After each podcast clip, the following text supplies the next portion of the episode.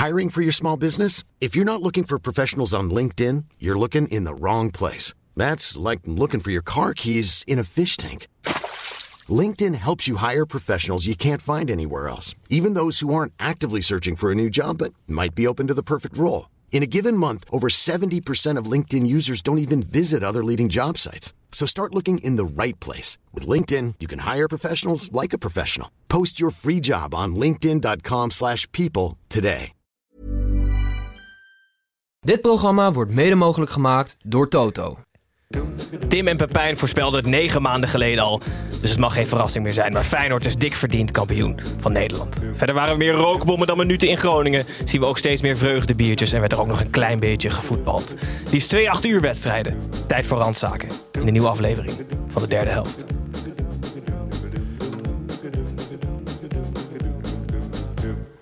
Give the, give the, give the cup. Hey, give the cup today to, the, to Ajax. Ik laat mijn jongens in stikken. Nooit van mijn leven. Die waren gewoon kansloos, die lieve schatten. Ik heb wel wat scheldwoorden en eh, je moeder is je zus en dat soort dingen al wel gehoord. En dat kan ook een verschil maken in een week met eh, drie wedstrijden, negen dagen.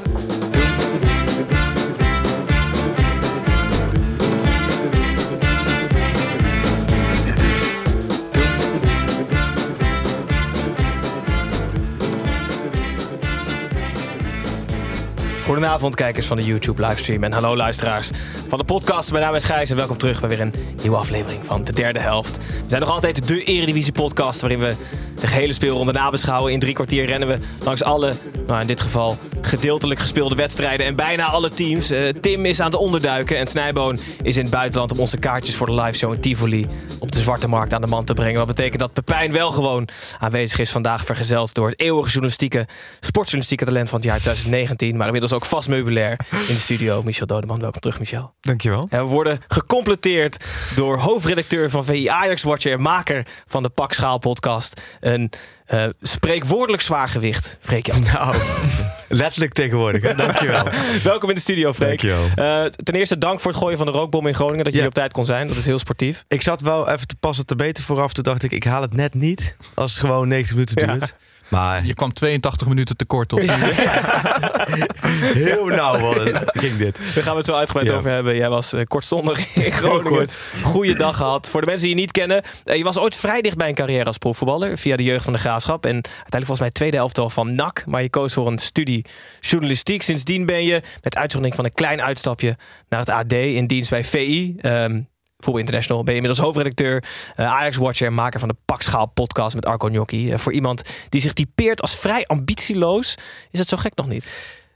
Nee, nou ja, is dat zo? Ja. Nou, als, je, als je letterlijk vrij ambitieloos Ja, bent, nee, is ik, dit ik, aardig. ik ga redelijk tot zeer ambitieloos door het leven. Ja. Eigenlijk al bijna 40 jaar. En dat bevalt me eigenlijk wel goed. En ja, dit zijn dan dingen die op je pad komen. Maar Maar is dat dan het is ook als- niet dat, dat dit nou... Het is niet zo dat ik nou eh, als raketgeleerde een nieuw medicijn eh, ontdek of zo. Maar is het een beetje zoals voetballers die, die geen druk voelen? Dat die er vaak beter zijn? Is dat bij jou ook zo? Gewoon geen enkele ambitie en daardoor kom je Nou ja, ik, ik heb er wel eens toevallig ook wel eens met wat journalisten over gehad. Want er werd ook vaak zo tegen mij gezegd van... joh, als, eh, als je huis afvikt, dan is jouw eerste reactie van... oké, waar gaan we een nieuw huis bouwen? Snap je? Omdat ik heel positief in het leven sta. En die zeggen van, ja, ambitieloos zeggen... je bent niet prete- pretentieus, dat ben je niet. Maar je, je hebt wel ambities. Ik zeg, nou ja, ja... Mooi dat die analyse op me los wordt gelaten. Ehm, Voer voor psychologen. ja, voor psychologen, maar nee, ja, ambitie, ja, nee, ik heb nooit, ik heb nooit ambitie gehad. Alleen, gedachte-experiment. Wat doe je als je huis afbrandt? ja, hoe reageer je? Maar het is wel zo, kijk, ik probeer wel alles wat ik doe. Het is niet zo dat ik, laat maar zeggen, op de bank lig met een zak chips. Ja, dat zou wel ideaal zijn. Maar en alles komt je uh, aanbaaien. Zo is het niet. Ik probeer wel alles wat ik doe zo goed mogelijk te doen. Maar vooral ook heel veel plezier te hebben van wat ik doe. En door dat plezier denk ik dat ik een rol heb gevonden die, eh, ja, die ik leuk vind en die bij me past. Het is een beetje net zoals uitspreken dat je niet, zeg maar niet uitspreken dat je de titel gaat winnen, maar dat wel willen. Ja, ja, ja, ja, precies. Slotje Valse tot. Ja. Goed dat je er bent, eh, Michel. Superleuk dat je de vierde aan tafel gaat zijn in de afwezigheid van Ah, mannen. Tim en weekje. Eh, Ik hoor nu Tim er doorheen, maar dat maakt op zich niet uit. Pepijn, goed dat je er bent. Hoe is het Dat, met, dat z'n- gebeurt wel vaker. Ja. dat Tim er doorheen hoort. hoe, is het met de beste doorbraak van de man? Ja, ik maak me een beetje zorgen. Want Tim heeft, eh, hij huurde altijd een schuilkelder. Hij heeft hem nu gekocht. Want dat was financieel interessanter. Want hij heeft vorige week weer half Nederland over, zich- over zich heen gekregen. Want Tim had een vrij goede analyse over Feyenoord en Ajax. En het was eigenlijk zelf. Volgens mij was het een verkapt compliment zelfs aan Feyenoord. Maar zo werd dat niet helemaal opgepakt. Dus hij heeft... eh, nou, ik weet niet wat allemaal over zich heen gekregen. Dus ik maak me... Nou, zorgen wil ik niet. Maar ik vind het, ik vind het wel. Ik, ik hou er niet van. Ik hou erg van onze luisteraars. Maar ik heb het idee dat alles buiten onze luisteraars... als die wat oppikken van onze podcast... dan, dan moeten we op, eh, op gaan passen. Dus ik zou tegen de luisteraars ook willen zeggen... steun Tim en koop je kaartje voor Tivoli. Want er zijn er nog een paar. Er zijn er nog een paar. Heeft hij wel vanuit zijn safe house een weetje opgenomen? Ja, dat weet ik vrij Ja, zeker. een heel vaag signaal kregen we door. Dus hij komt vast later in de uitzending nog even terug. En ehm, we gaan de uitzending beginnen zoals altijd, Freek, met gestrekte been. Het gestrekte been is een stelling waarin ik jullie drie aan tafel even op scherp zet. eh, En wakker maak voor de rest van de uitzending. En vandaag luidt de stelling: Ajax en PSV moeten samen slot wegkopen bij Feyenoord en opsluiten. Is dat eens of oneens, Pepijn? Oneens. Freek, Nee, oneens. Michel. Eh, ik zou gewoon wachten totdat Tottenham komt. Dat is misschien Dus je bent ook oneens. Dat kun je Nou, bijna eens. Want als to- Tottenham Ja, niet eens. komt, dan Nee, eens. dan zou ik het wel ja, ja, ja. We beginnen bij Freek. Waarom ben je het oneens? Ehm, nou ja, het is wel voor de, voor de Ajax en PSV-supporters te hopen dat die gaat. Eh, maar ik vind het voor de hele dynamiek in het in Nederlands voetbal fantastisch wat er nu gebeurt bij Feyenoord. En dan denk ik, als hij blijft, dan wordt het ook weer heel interessant om komend seizoen te zien hoe Feyenoord zich in de Champions League kan laten gelden. Mm. En wat voor invloed dat dan weer heeft op de competitie. En ja, hoe je het went of verkeerd, door slot en door Feyenoord staan ze nu in Eindhoven en Amsterdam wel op scherp. Jij, jij als kenner, is, is Slot in deze vorm, want ik denk Ja. dat we bij trainers ook over vorm mogen spreken, beter dan Ten Hag in vorm bij Ajax? Nee, dat denk ik niet. Denk je dat het veel scheelt? Nee, dat denk ik ook niet. Maar Den Haag, ehm, Slot is... Het zijn alle twee echt serieus, vind ik, echt fantastische trainers. Op alle vlakken. Echt op alle vlakken. En ze hebben wel iets ehm, specifieks dat zij kunnen echt spelers en een team beter maken. En dat wordt vaak wel gezegd. Maar hoeveel trainers kunnen we opnoemen die dat, die dat echt voor elkaar krijgen? Ja. En dat hebben ze allebei. Alleen, ik vind dat Ten Hag... Die loopt ook wel ook chronologisch nog iets voor op slot. Maar, ja, maar dat is het dus. Hij loopt chronologisch iets voor. Ja. Want Ten Hag is eigenlijk gekomen na dat succes van Ajax in de Europa League. Dat ze die, eh, dat ze die finale haalden. Nou, Feyenoord nu die halve finale. Dus vanaf hier kunnen ze verder gaan bouwen. En als je kijkt dat Ajax heeft toen een aantal jaar eh, Champions League op rij, groe- eh, groepsfase doorgekomen. Dat heeft Ajax 200 miljoen opgeleverd. Dat heeft Ajax 200 miljoen opgeleverd. Dus eigenlijk zou ik als ik Feyenoord was vanaf 180 miljoen voor slot gaan praten. In ieder geval aan tafel gaan. Want het, zou zomaar eens kunnen. Ja. Hè, dat, dat als, als slot nu blijft. En hij kan, een, hij kan iets wegzetten bij Feyenoord. Waardoor zij gewoon structureel eerst of tweede gaan worden in Nederland. Wat nu gewoon eh groepsfase Champions League op gaat leveren. Dan, dan, dan staat er geen bedrag tegenover bijna. Nee, Dus ze en- moeten alles eraan doen En het gekke is dat je, dat je transfers, eh, transferbedragen voor trainers... Ja, de laatste jaar komt het een beetje op gang. Hè? Ja. Maar daarvoor Maar was het het... komt op gang met, met, met een afkoopsom van 3 miljoen. Het Precies. contract afkopen. dat, maar je ziet niet vaak... Nagelsman had volgens mij bij Michel... Ja, wel 18 miljoen of zo. Zoiets Ja. inderdaad voor betaald. Dus dat was wel... eh, maar daarvoor niet heel veel. Dan zie je bij trainers al vaak een paar miljoen hier, maximaal. Terwijl Slot wij- is... ja. Slot, wat jij zegt... In waarde is hij eigenlijk helemaal niet uit te drukken. Hij is zo cruciaal voor, Is hij de meest waardevolle persoon bij Feyenoord? Ja, ja, Ja. absoluut. Want een, spe- een speler kan je Ja. makkelijker vervangen. Zeg maar, je kan Ja, ja. ongeveer het profiel van een speler maken van een Kukju gaat vertrekken. Daar kun je wel naar gaan zoeken en dan kun je je portemonnee voor trekken. Maar ik, ik, ik zou bij God niet weten Welke trainer? waar je Ja. uit moet. Er zijn er ook maar heel weinig waar je uit kan putten bij Ja. trainers. En Michel zei al, wacht op Tottenham. Ja, nou en dit zeg maar, ik kan me voorstellen, ik denk dat eh, alle grote clubs een beetje in Europa nu toch gaan proberen om hem binnen te halen. Zeg maar een Tottenham bijvoorbeeld, als je nog geen trainer hebt voor volgend seizoen. Maar ja, laten we van harte hopen dat hij voor het Nederlandse voetbal blijft. Want ik denk eigenlijk zelf ook wel dat hij, ehm, hij heeft nu dit bereikt. Ja, Je hij wilt wil, toch die hij wil Champions- toch je precies, hij wil toch die Champions League in, lijkt mij. Maar ja, aan de andere kant, als je ja, een aanbod krijgt dat je niet kan weigeren. Dat is het ook. Hè? En dat, gaat denk denk ik wel komen deze Ja. zomer. Als Spurs komt of echt zo'n club, hè, top 7 club Premier League, dan voelt een trainer ook vaak het gevoel van ja, hè, het treintje komt voorbij. En, en heeft hij alles eruit gehaald bij Feyenoord? Als hij dat gevoel heeft, dan gaat hij natuurlijk nooit hard. Maar dit lijkt me de- zeggen. de- dan de- moet je gaan. Het gebeurt toch wel eens na zo'n succesvol seizoen dat spelers dan eh, blijven en met hele goede Ja. voorwaarden in de contract en met hele soepele vertrekvoorwaarden. Ik hoop dat hij dat, zeg maar, dat hij volgend jaar gewoon kan zeggen einde seizoen zonder ook maar enig probleem ervan te maken vertrekt hij naar als hij wil, naar welke club dan ook. Ja. We zijn in ieder geval over uit dat het niet opgesloten hoeft te worden, toch? Door Ajax en PSV. Ehm, ja, daar zijn wij. uit. Gaan we door naar de koploper. We hebben het al heel veel over Feyenoord gehad. En Feyenoord speelde tegen de Go Ahead Eagles. Niet zomaar een wedstrijd, maar de wedstrijd van de week. Hey, wedstrijd van de week, van de week, wedstrijd van de week. Feyenoord Go Ahead Eagles was de eerste echte test om de zogeheten kampioenstress. En het was eentje die begon met een record. Grootste spandoek ooit werd uitgerold in de Kuip. De 90 minuten zelf waren niet de meest grootste minuten, maar het was ook niet nodig. Een goede, stabiele 3-0 overwinning was meer dan genoeg voor de dik verdiende landstitel nummer 16 voor Feyenoord. Michel genoten? Ja, eigenlijk wel. Maar het was ook. Het voelde bijna als een soort gala-wedstrijd. Niet per se dat het zo bizar goed voetbal altijd was. Maar meer in de zin van. Eigenlijk had ik vanaf de eerste minuut al zoiets van. Ja, dit, gaat niet meer fout. Het was ook echt eenrichtingsverkeer het eerste kwartier tot aan het doelpunt. En daarna eigenlijk ook. Maar ik vond, ik vond het opvallend dat er. Ik vond niet dat er heel veel spanning zat op de spelers. Nee, dat niet. En ook, maar het leek ook bijna zo'n eh, akkoordje van eh Coët. Die dachten van, het is best leuk zo'n kampioenswedstrijd meemaken van Feyenoord. Dat, is- dat was het toch? Ik had niet eh, het idee dat die daar met de intentie kwamen van... nou gaan we toch eens even dat Feyenoord eh dwars Ja, maar dat, dat, dat, lukt kan, dat Nee. kan ook misschien bijna niet in zo'n, zeg maar, voor, voor Go Ahead. Ja, die belangen zijn zo anders. En Go Ahead of veilig. Dus eigenlijk de ideale Precies. tegenstander. Ja, Die, die, die hebben ook dit ook gewoon ervaren als een leuk uitje. Zondag we- mooi weer en dan dit ik zat wel, ik vond het echt een fantastisch. Dat kampioenschap van Feyenoord is echt wel fantastisch. We zaten na die wedstrijd even ook hier te kijken. We, we zeggen altijd, we zijn een neutraal in onze, in onze clubvoorkeur. En dat is ook echt zo. Maar als je naar die wedstrijd zat te kijken en die spelers werden één voor één naar voren geroepen.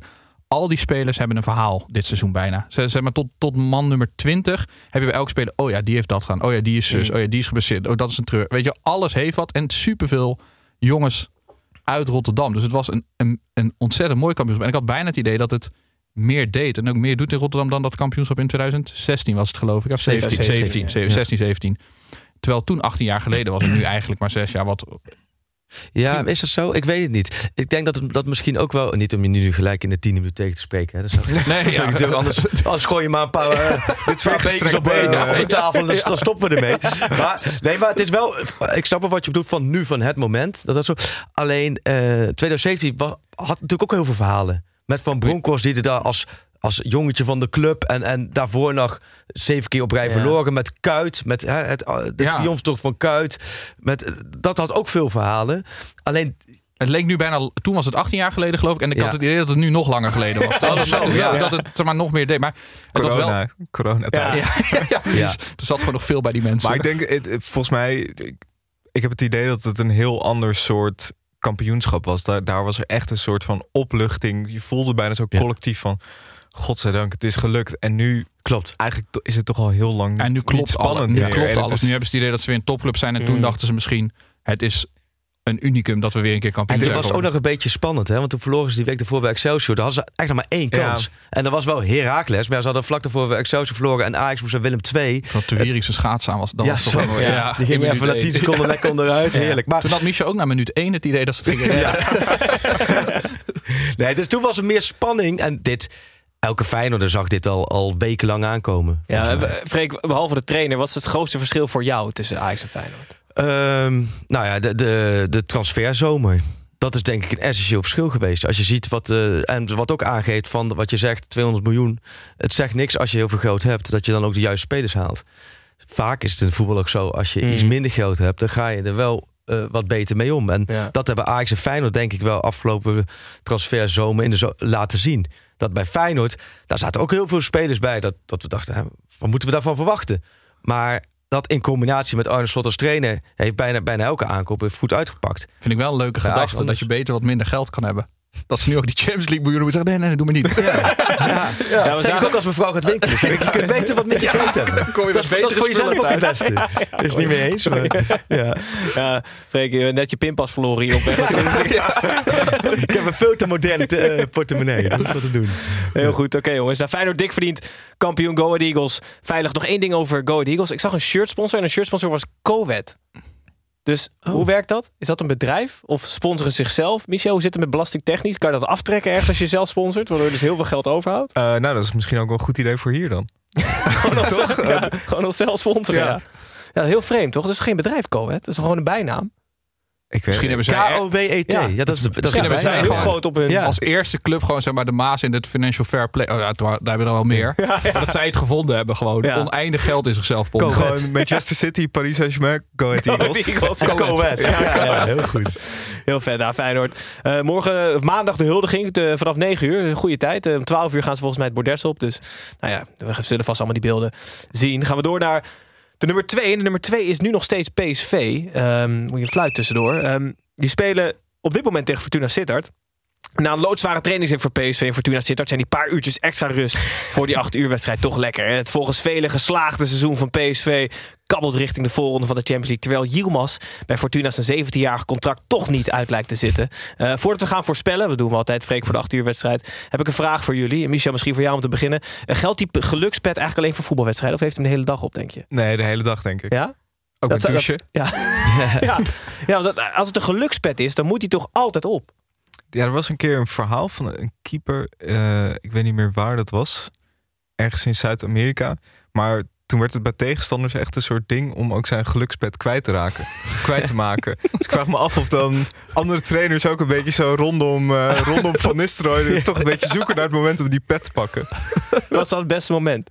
Als je het knuffelt na de wedstrijd? Eh, nee, als PSV scoort denk ik. Oh ja, dat kan niemand uit het publiek. Ja! Ja, goed. Ehm, voor voorspellen de wedstrijd, Pepijn. PSV Fortuna. 4-0. 3-0.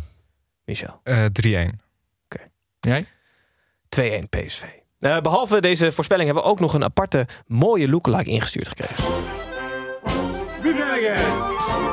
Ja, ik ben Willy. En jij René.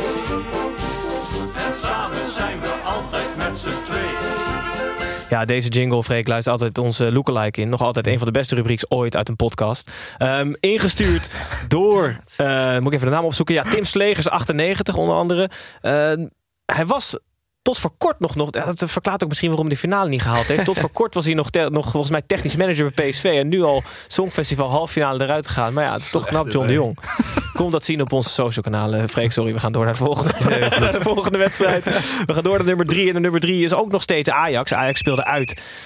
Of speelde, was heel kort uit in Groningen bij de FC. Ik dacht dat het dieptepunt bereikt was nadat er eh na ons betoog van vorige week nog steeds geen standbeeld voor Dennis van der Ree voor de Euroborg stond. Maar blijkbaar kon het nog dieper. Meer rookbommen dan minuten zorgden voor een definitieve staking. Enige positief is dat Brobby gewoon weer de wedstrijd heeft vol kunnen maken.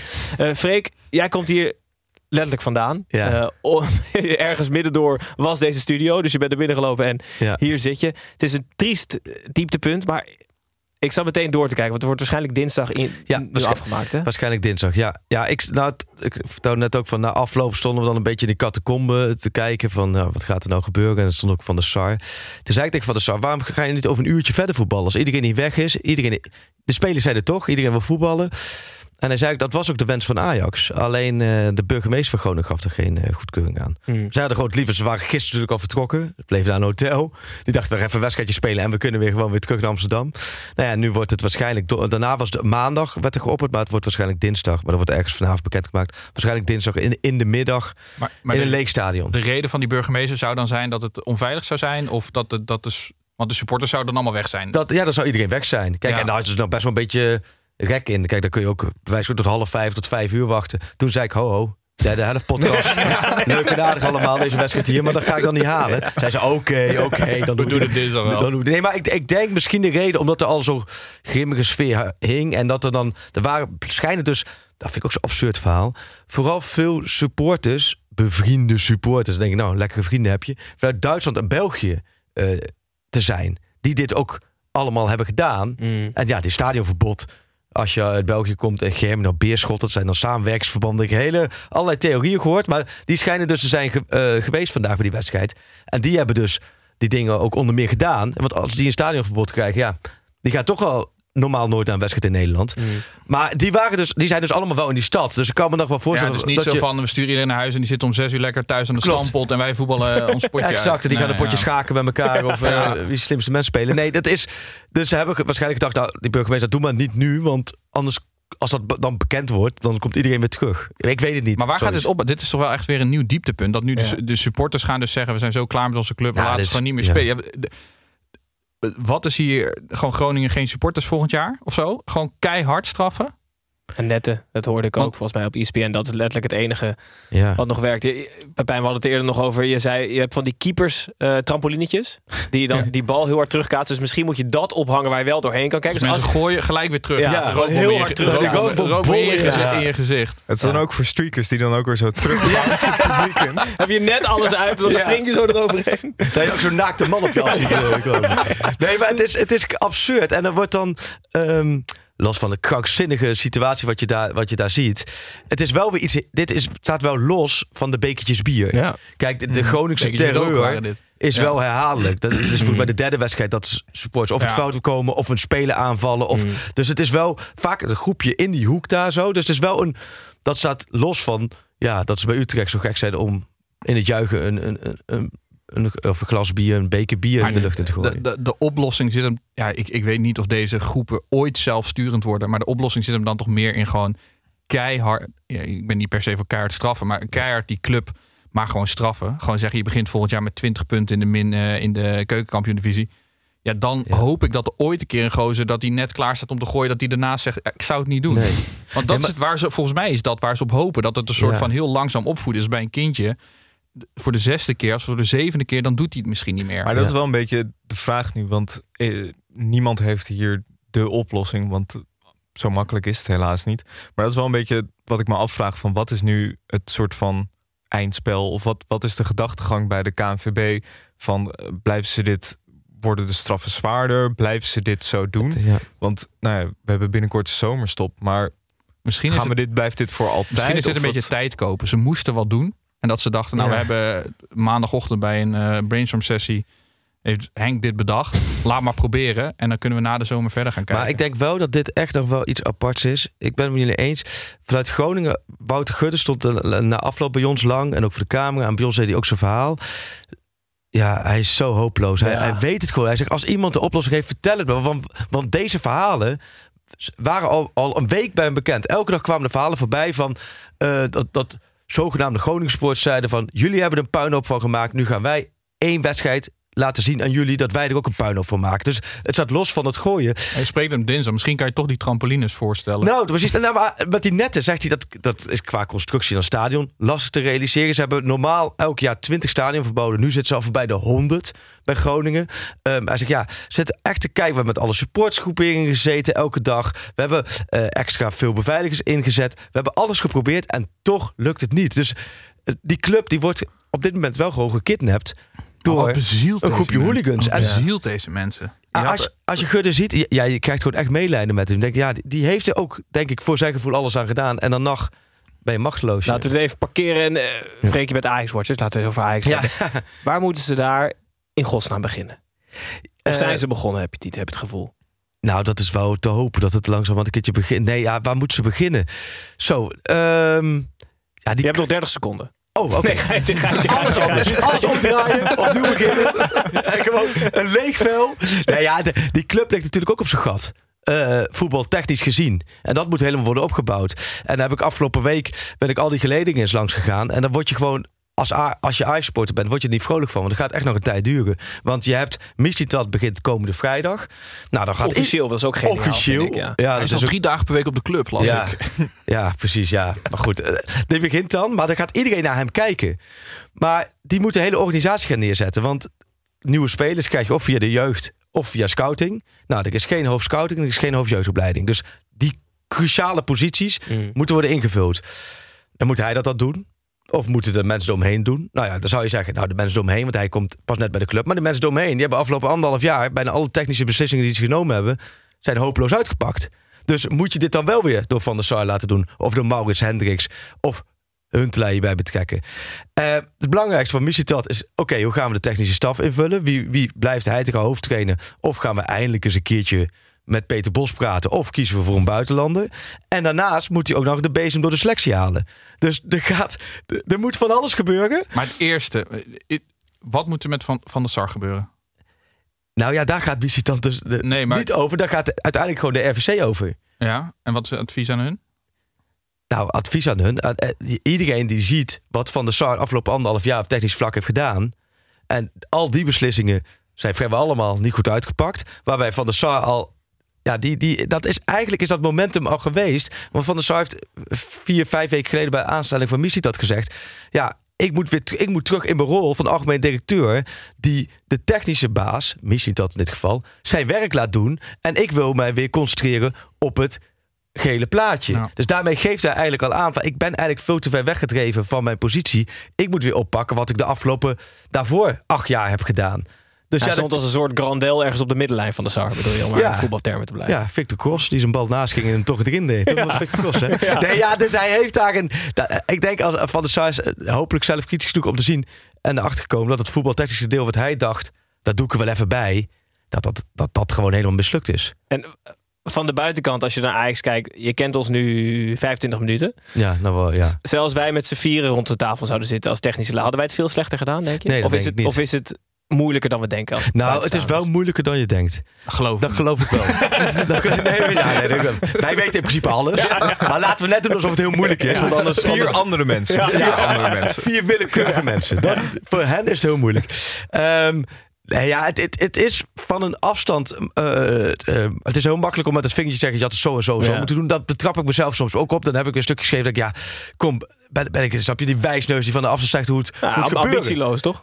Ja, maar wel ambitie, dus ik hoef daar niet te zitten. Dat scheelt alweer. Maar wel om aan te geven, vaak zit ook zit in de logica de kracht. Zo, dus wel een tegeltje. Maar Ja. vaak zit, nee, maar vaak is het gewoon logisch nadenken. Het, iedereen snapt als je 14 maanden als Overmars weggaat, dat je niet 14 maanden moet wachten voordat er een technische baas gaat. Helemaal niet binnen, binnen een club als Ajax. Als Ten Hag weggaat, weet je dat er, snap je, iets moet gebeuren met die groep. Je weet als eh, Danny Blind uit die RVC en er zit in de RVC geen voetbalman, dat je niet 20 maanden het moet gaan duren voordat je een nieuwe voetbalman hebt. Dus er zit heel veel logica zit erin en dat is niet gebeurd. Dus daar, dat vind ik heel gek. Maar of ze dan voor Pietje of Henk of Klaas kiezen, dat vind ik vaak lastig. Dat is wel heel makkelijk oordelen van ons allemaal. Maar ook wel achteraf. Ik, ik, eh, ik heb toevallig kwam ik een interview met Ten Hag tegen. Ik ben te lang verstof, hè? Nee, nee, nee. nee. Oh nee, oké. Anders moet ik gelijk Ah, zeggen. ja, ja, ja. Maar ik wil een interview met Ten Hag tegen van die dat ik met hem had na Excelsior uit in 2018. Dus toen had hij vier maanden zat hij bij Ajax. Iedereen zei, ah, wat moet Ajax met Ten Hag? Dat is helemaal niks en we kunnen hem niet eens verstaan. En wat, wat komt hij doen? Nou, maar het, en toen deed hij voor het eerst laat me een lang zijn verhaal. En, en gek genoeg wat hij toen zei, dat kun je bijna nu weer op Ajax plakken. Dat de selectie niet in balans is, dat het mentaal niet weerbaar is, dat ze fys- fysiek niet goed zijn, dat het niet duidelijk is, eh, ehm, snap je, hoe de aankoop tot stand moet komen. Alleen hij had de rugdekking van, van Overmars en die zijn toen met z'n tweeën gaan bouwen.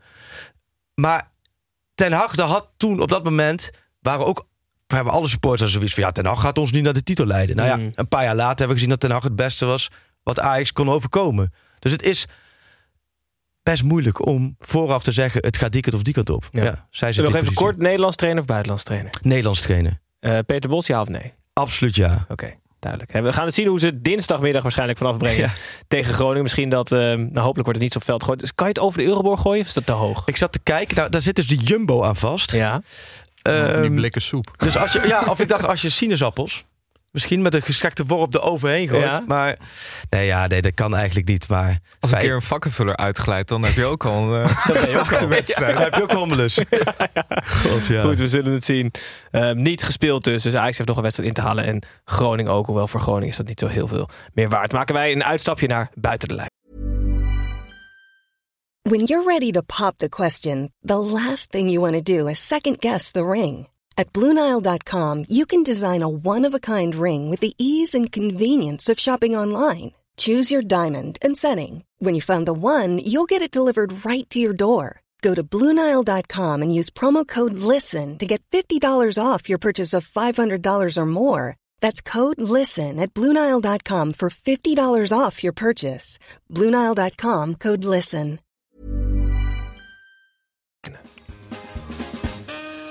Edwin, Kevin hier, buitenspel. Ik hoor je nu voor half, stem nog eens. Oké, Edwin. Edwin, buitenspel. Ja, bij buitenspel vergeten we altijd de gasten instrueren, Freek. Dus in ieder geval hebben Pepijn en Michel iets van buiten de lijnen meegenomen. Is, is jou nog iets opgevallen, dan mag je gerust Moet je inbrengen. iets Maar- verkopen? Ja, dat kan ook. Dat kan ook. Pepijn, wat heb je meegenomen buiten de Ik vind dat mooi als mijn twee passies samenkomen. Voetbal, voetbal en politiek. En Ja. dat is gebeurd in de gemeenteraad van Rotterdam eh, afgelopen week. Want er is een motie, eh, motie ingediend door GroenLinks en D66. En die motie verzoekt de Rotterdamse scholen aanvragen van oudersverzorgers voor verlof.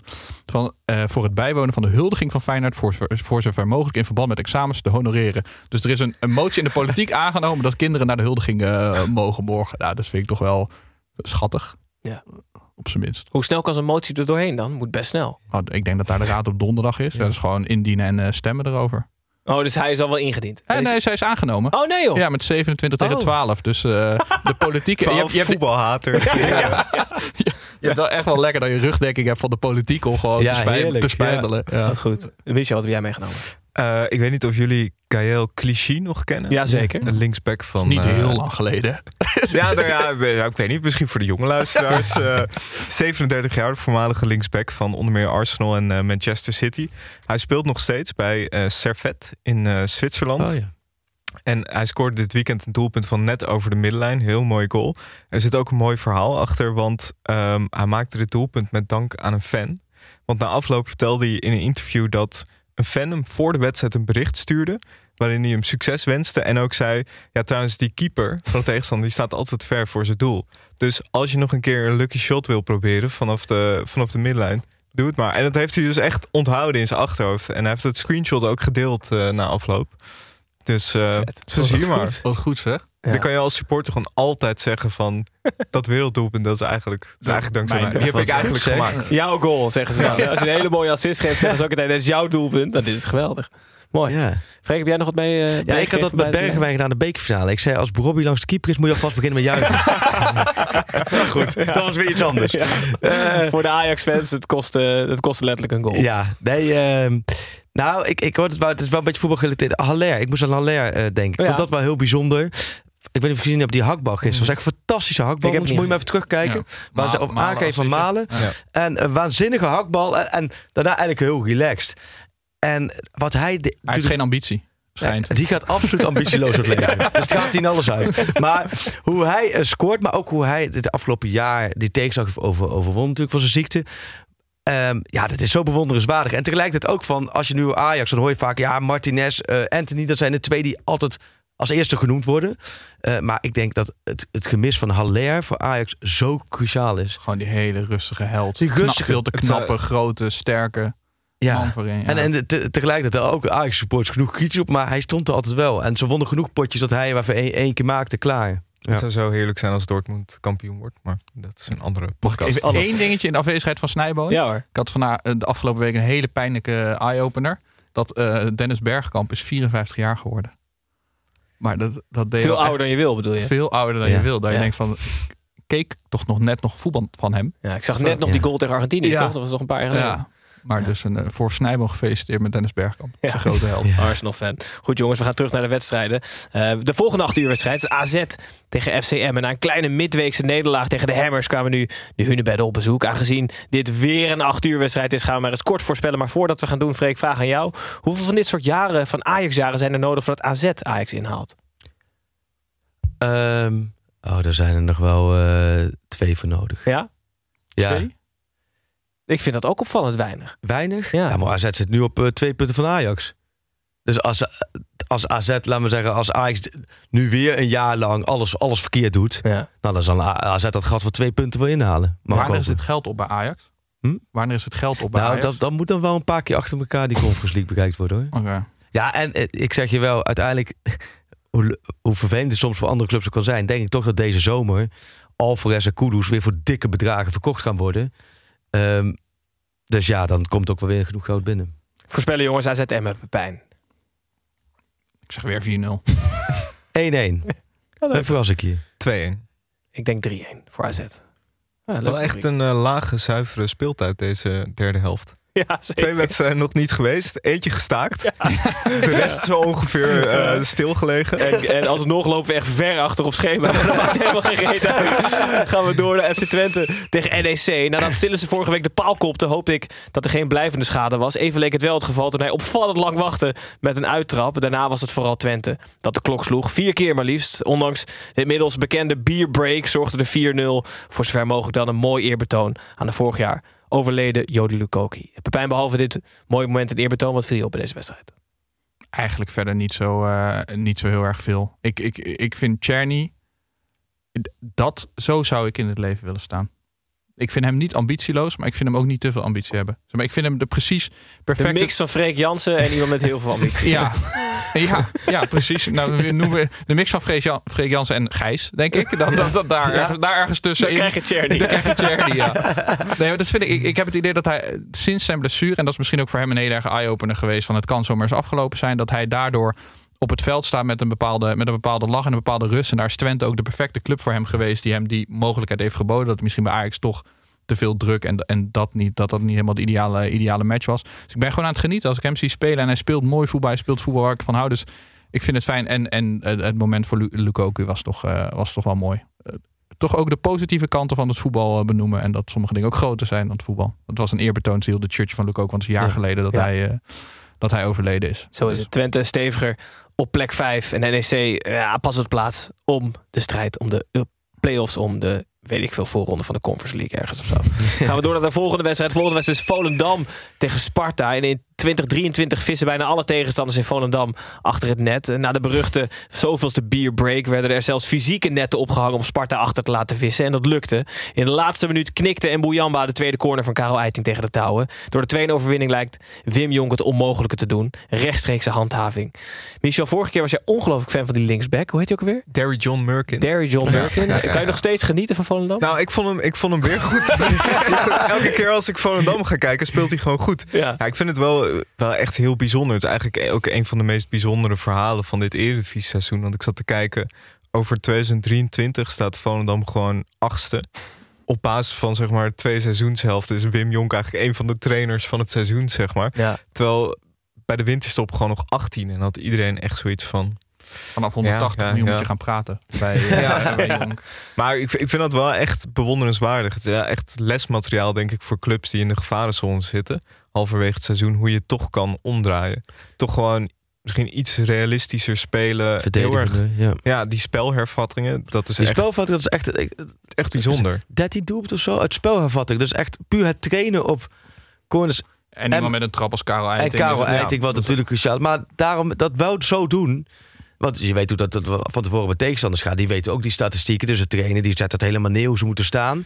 En uiteindelijk, elke wedstrijd scoren ze bijna uit. Dus Ja. dat is wel echt de kwaliteit. Is dat niet het bewijs dat het nog steeds juist wel van geluk aan elkaar hangt? Want iedereen weet dat dit gebeurt. Maar het is niet te stoppen. Net als Robben die naar binnen komt met links, was ook niet te Ja. stoppen. Nou ja, over Het is kwaliteit. niet dat ze die lange niet dekken. Weet je wel, ja. bij de amateurs. Hij denkt heel simpel. Hij is voor jou. Ja. En dekken. Ja. Maar blijkbaar hebben ze dan toch misschien wel verschillende varianten. Weet wat loopt gewoon altijd één stapje voor. Ja. Dus hij doet volgende week weer net iets extra's. Ja, ja. eh, gedaan. Visionair. Ik zag deze week dat de inworpcoach van Liverpool eh, weggaat. Dus als ze die ook nog erbij krijgen. dus de corners, vrijtrappen en inworpen, dan zijn ze niet. Ja, ja, ja dat is zo'n Deense, een Deense Oh, bekende inworpcoach. nou, Die na een paar jaar afscheid heeft genomen. En die heeft al heel veel, heeft ook weer voor volgend seizoen weer heel veel clubs. Die Bij is ook Ajax is hij ook geweest? We hopen dat hij niet bij Groningen komt trouwens. Want die gooit er wel zoiets over de Euroborg. Hè? Goed jongens. Eh Volendam is dus achtste blijkbaar op eh, het tweede seizoen zelfs. Ongelooflijk knap. Sparta blijft wel gewoon op plek 6. En gaat die play-offs ook gewoon houden. Hoewel Utrecht iets dichterbij komt. Maar daarover later meer. Eh, gaan we door. Een klein uitstapje weer naar de man die ondergedoken zit. Naar Tim met zijn beetje. Of iemand dit nou weten wil. Dat boeit me niet ontzettend veel, want ik heb weer een beetje voor je mee. Ah, mannen. Een weetje uit een tijd dat Ajax iets meer geluk had dan dit seizoen, namelijk 1970. Toen werden ze in de achtste finale uitgeschakeld door AZ in een toernooi dat ze uiteindelijk toch nog wonnen. Ja, hoe kan dat? Eh, dat toernooi van de beker deden 53 teams mee. Dat is een oneven aantal. En in het begin van het toernooi was dat nog niet echt een probleem. Tot op een gegeven moment eh, de kwartfinale gelood moest worden. En toen waren er nog maar zeven ploegen over. Dus moesten van alle uitgeschakelde ploegen moest er gelood worden van wie er weer in mocht. Dat was Ajax. Die won uiteindelijk ook. Lucky Ajax, joe.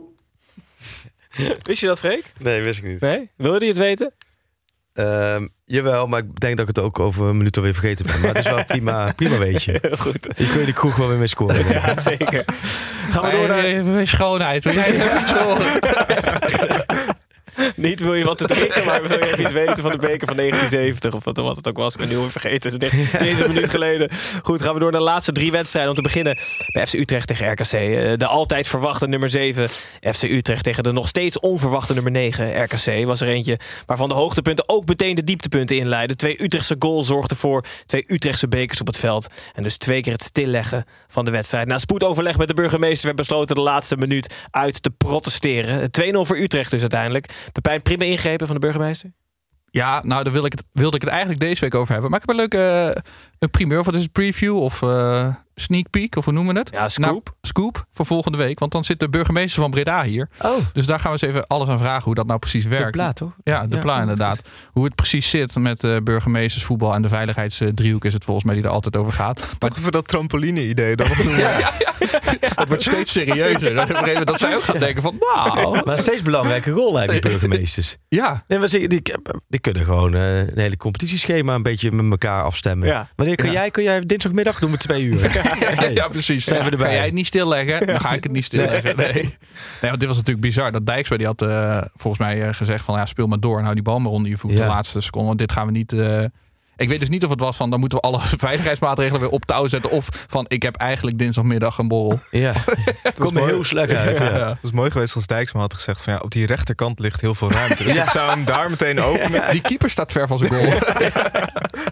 nee, maar wat ik ook wel echt bizar vind. Want vorige week ging het over dat Tanane eigenlijk de ideale speler zou zijn voor RKC. Omdat er altijd de, mensen met een krasje komen. Maar nou gaat Fraser, eh, wordt daar trainer. Hoogstwaarschijnlijk. Hoogstwaarschijnlijk. Dat, dat is echt een meesterzet. Dat kan natuurlijk niet beter. Het is een soort beetje het vreemdelingenlegioen in Frankrijk.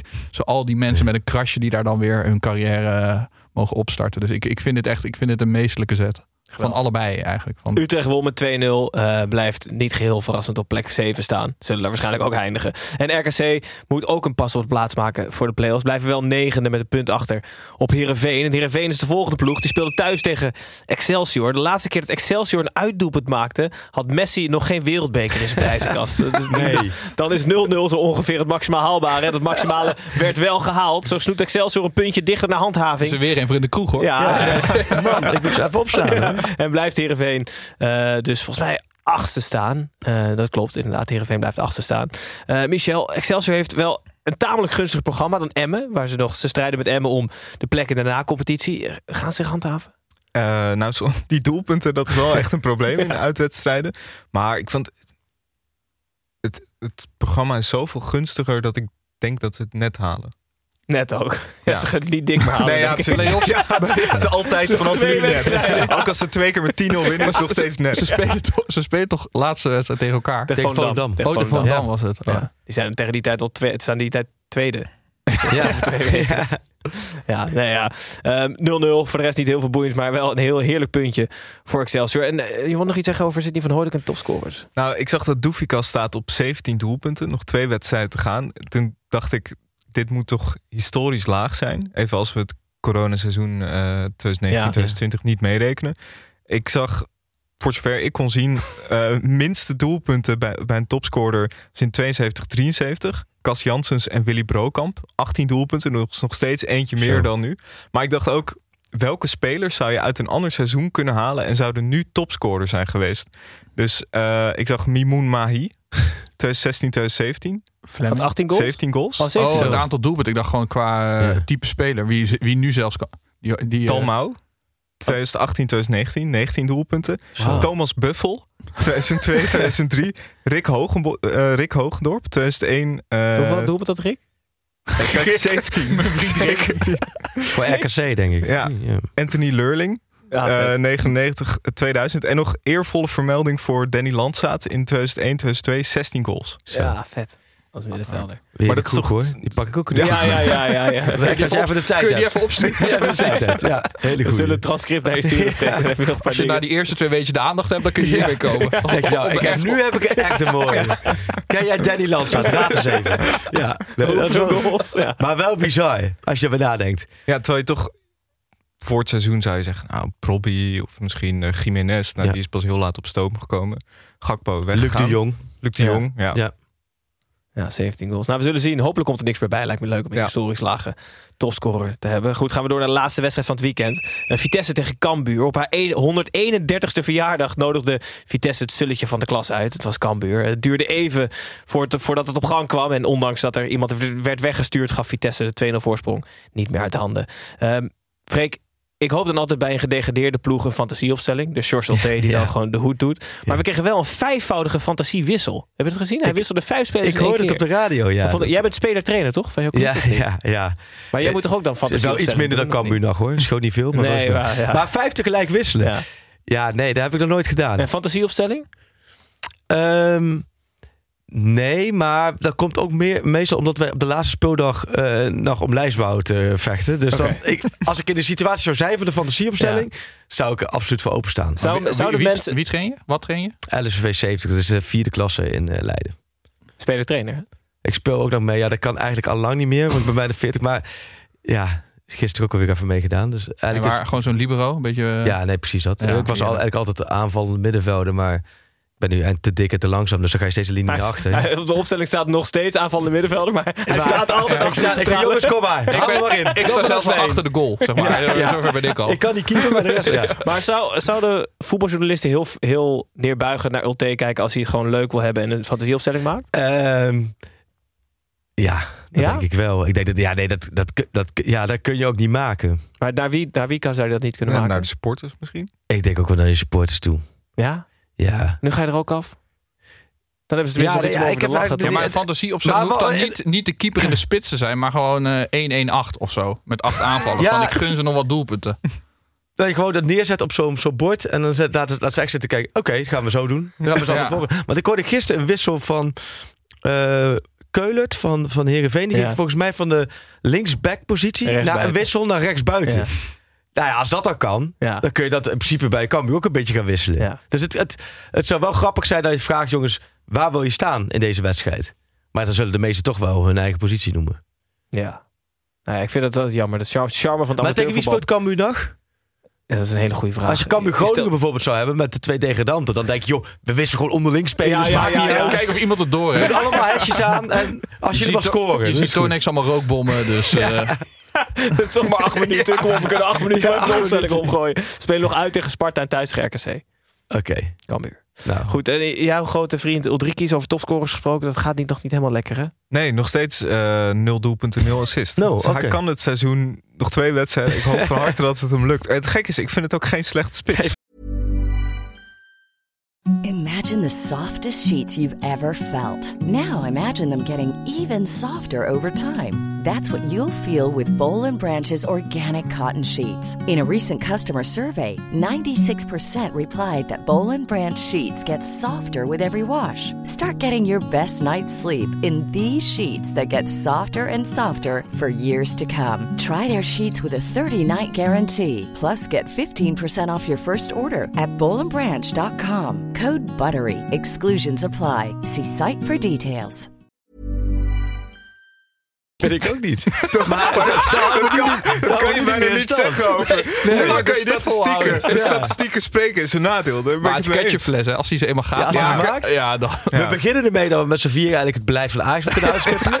En dan komen we aan het eind komen ermee dat we eigenlijk Ulrikis best wel een goede spits vinden. Ulrikis als eerste naar Ajax. Ja, ja. naar Ajax ermee. Ja. En als eerste op het wedstrijdformulier altijd. Oké jongens, het zit erop. Uh, zes en een halve wedstrijd of zo, ik heb geen idee. Weet je buitenspel. Uh, we hebben het volge, volgehouden en het is prima gelukt. Uh, dankjewel Pepijn, dankjewel Michel. Dankjewel Freek, superleuk dat je er was. Ja, super sympathiek dat je... Je gaat dinsdag weer naar Groningen neem ik aan. En woensdag weer hier zit voor de persconferentie. geen enkel probleem. Nee. Vijf uur asfalt voor negen minuten. Ik, en hier één warmbad. Perfect. Ja. Superleuk. Kijkers, luisteraars, bedankt voor het kijken en luisteren. Um, supporters van Feyenoord, veel plezier de komende dagen. En woensdag zijn jullie weer fit voor de persconferentie. Die is dan gewoon te beluisteren en te bezien. Dag.